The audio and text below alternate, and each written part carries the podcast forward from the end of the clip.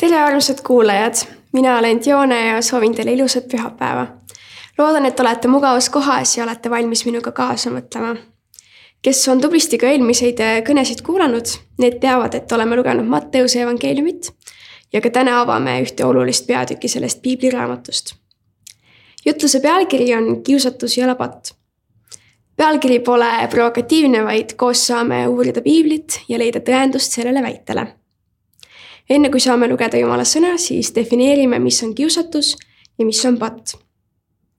patt on miski, mis ei lähe Jumala sõnaga kokku, mis teeb Jumalale kurba meelt ja patt on lühidalt miski, mis on vale.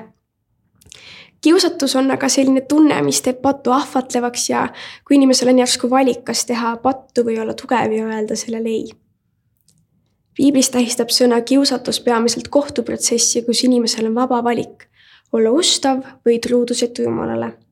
ainult sekundaarselt tähendab see patule meelitamist või võrgutamist.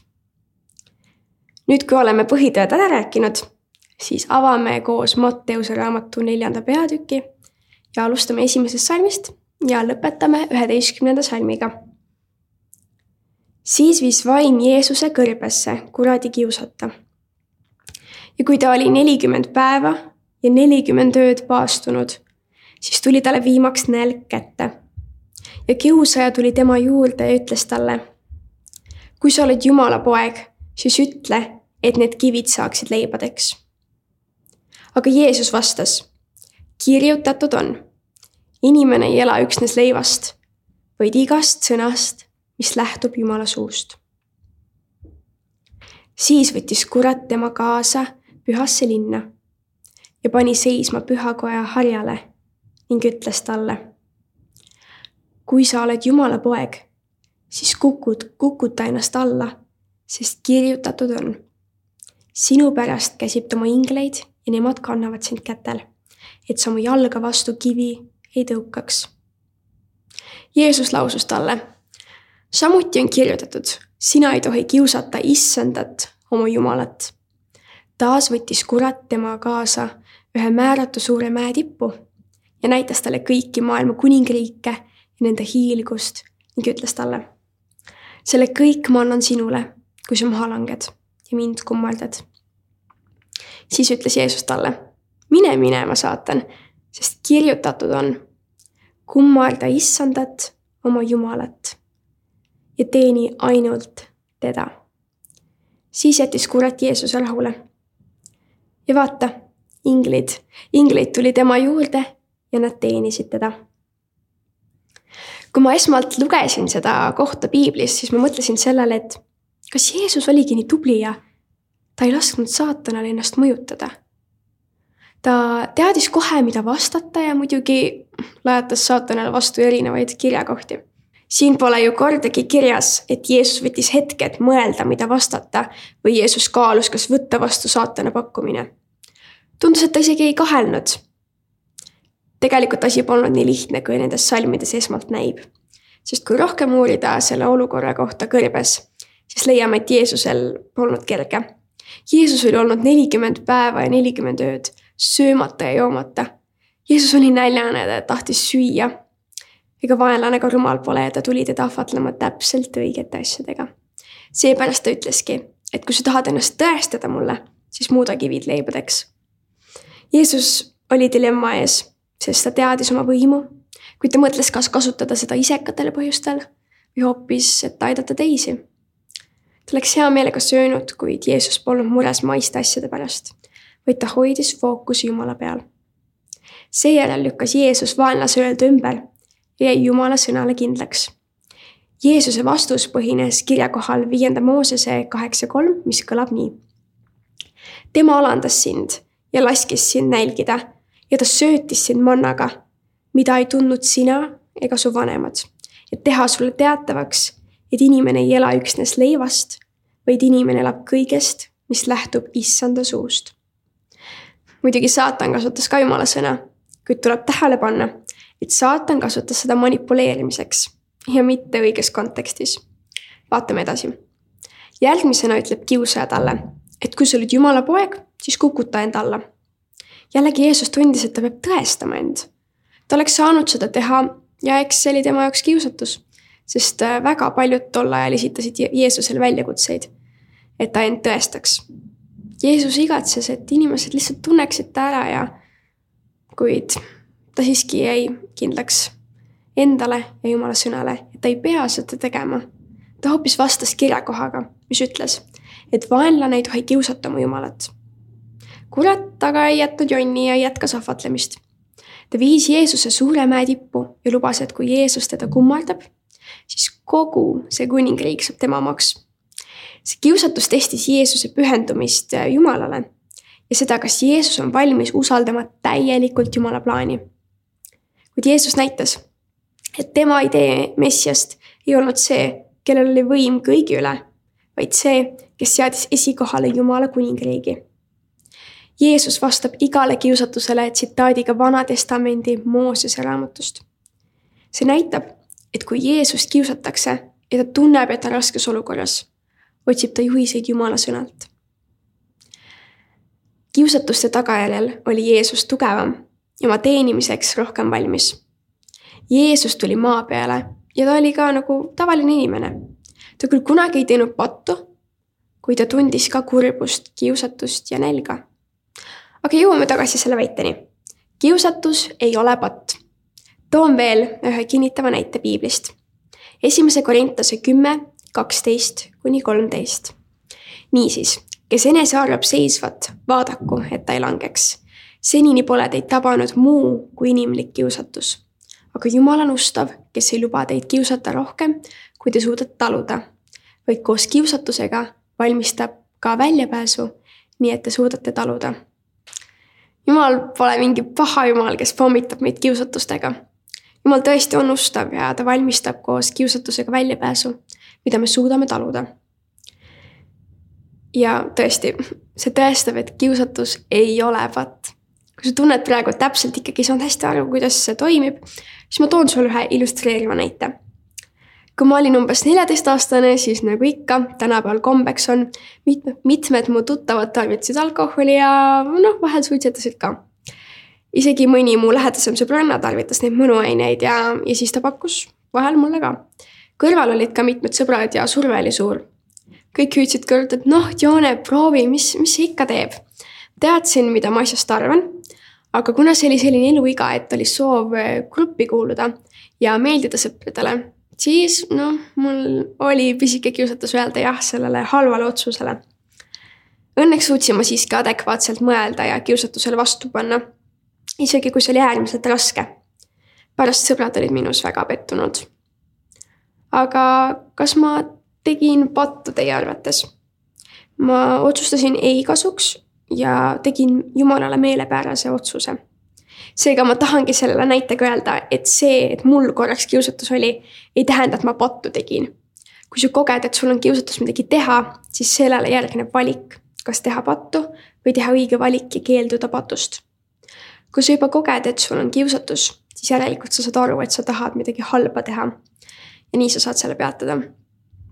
kui isegi Jeesus koges kiusatusi, siis on ka okei okay,, et meie kogeme aga kuidas aru saada, mis üldse on patt? me teame, et piiblis on kirjeldatud erinevaid patte. meile on antud kümme käsku. aga kas ülejäänud asjad pole patud? kas me saame nii teha, et, et kui miski tundub meile kahtlane, siis ruttu vaatame kümmet käsku ja, ja kui seda seal kirjas ei ole, siis järelikult tohime seda teha? vastus on ei. kahjuks või õnneks pole patt nii mustvalge pattude loetelu pole kuskil ühes kindlas kohas kirjas. seega me peame olema eriti valvsad, et ära tunda patt. ma annan teile paar näpunäidet, kuidas tuvastada patt. esimeseks, palveta selle eest ja tunneta, kas see on õige asi või mitte. teiseks, kui sa uurid piiblit või lihtsalt tuletad meelde, mis on piiblis kirjas, siis kas see asi, mida sa teha tahad, kas see läheb kokku ja kooskõlla äh, Jumala sõnaga. ja kolmandaks, proovi ette kujutada, kas see rõõmustaks Jumalat. mõtle sellele, kas sa tahad elada seal piiri peal, et kogu aeg on tunne, et ma olen patule lähedal ja pean iga päev küsima endalt, kas see, mis ma teen, on patt. hoopis parem oleks olla seal teisel pool joont, kus sa hoopis küsid iga päev enda käest, kas see rõõmustab Jumalat? võib-olla mõni teist mõtleb, et mul pole probleemi potuga, ma olen tubli ja kohustundlik Jumala järgija. kahjuks pean tõdema, et siiski kiusatusi võib tulla, olgu see midagi väikest või suurt. hea on alati valmis olla. kasvõi kirjuta endale välja kiusatuse vasturelv, kus sa oled toonud äh, mingid näited välja kuskile märkmikusse, et sa saaksid selle vajaduse korral välja võtta ja edukalt seljatada see kiusatus. mis noh, oleks potentsiaalselt viinud patuni. aga hea uudis on see, et mida lähemal me oleme Jumalale ja kui me kogeme püha vaimu, siis tõenäoliselt seda vähem me igatseme maiseid asju. seega kiusatused pole enam nii suured. aga nüüd heidame taas pilgud piiblisse. esimese Moosese neli seitse ütleb. eks ole, kui sa head teed, siis on su pilk tõstetud üles. aga kui sa head ei tee, siis luurab patt ukse ees ja himustab sind, kuid sina pead tema üle valitsema jälgige seda, et patt luurab ukse ees. see veel ei tähenda automaatselt jama, vaid ta luurab. sa saad öelda ei, kuigi see himustab sind. sest sina saad valitseda kiusatuse üle. toon teile veel ühe kirjakoha, mis mulle väga meeldib. Efesose neli kakskümmend kuus ütleb, kui vihastute, siis ärge tehke pattu. ärgu päike loojugu teie vihastamise üle.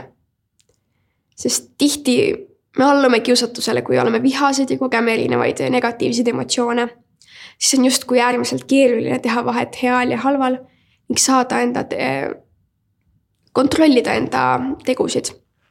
see on inimlik, aga Jumal kutsub meid olema suuremad sellest emotsioonist. et me võtaksime kontrolli olukorra üle, mitte vaenlane. aga mõtleme uuesti sellele, et miks Jeesus oli kõrbes, siis kui saatan hakkas teda kiusama see polnud juhuslik ega ka lõks, millega Jeesus läks, vaid pärast ristitud saamist juhatas püha vaim Jeesuse kõrbesse. kõlab natuke veidralt, aga mõtleme sellele, et Jumal valmistas oma poega ette, sest siis, kui ta paastus kõigest maisest, siis ta sai täielikult fokusseerida sellele, kes ta päriselt on, kelleks on teda kutsutud ja veeta aega oma isaga. muidugi polnud see nelikümmend päeva, nelikümmend ööd lust ja lillepidu ta oli ikkagi ju kõrbes ja see ei olnud mugav. kuid kuna püha vaim kutsus ta sinna, siis sai Jeesus sellega hakkama. Jeesus sai palju tugevamaks tänu sellele kõrbekogemusele ning selle kaudu valmistas Jumal oma poega ette tema tulevaseks teenimistööks. seega julgustus teile. kiusatusest võitjana väljatulek võib teha teid palju tugevamaks ja kuulekamaks Jumala häälele kindlasti ärgem unustagem, et kõige alus on Jumala sõna tundmine. kui me veedame palju aega piiblit äh, lugedes ja uurides, siis oskame ka saatanale kiusatuse ajal vastu lajatada. ja mitte, mitte niisama lajatada, vaid ikka Jumala sõnaga. ma räägin teile ühe loo, aga proovi kujutada ette, et sa oled see, kellest ma räägin. sest siis sa saad paremini sellest loost aru. see võib kõlada naljakalt, aga kujuta ette, et sa oled neljakümne aastane mees sul on kaks last, keda sa üksi kasvatad. sa tunned Jumalat, kuid sa said just teada, et sind vallandati. sa tead, et sa ei suuda enam üksi oma peret üleval hoida, kui sul pole sissetulekut. su sõber pakub sulle klaasi õlu. sa tead, et sul on varem olnud probleeme alkoholiga, kuid see õlu tundub äärmiselt ahvatlev pärast sellist uudist. isegi ei jaksa mõelda sellele kiusatusele vaid käsi kohe haarab selle klaasi enda kätte.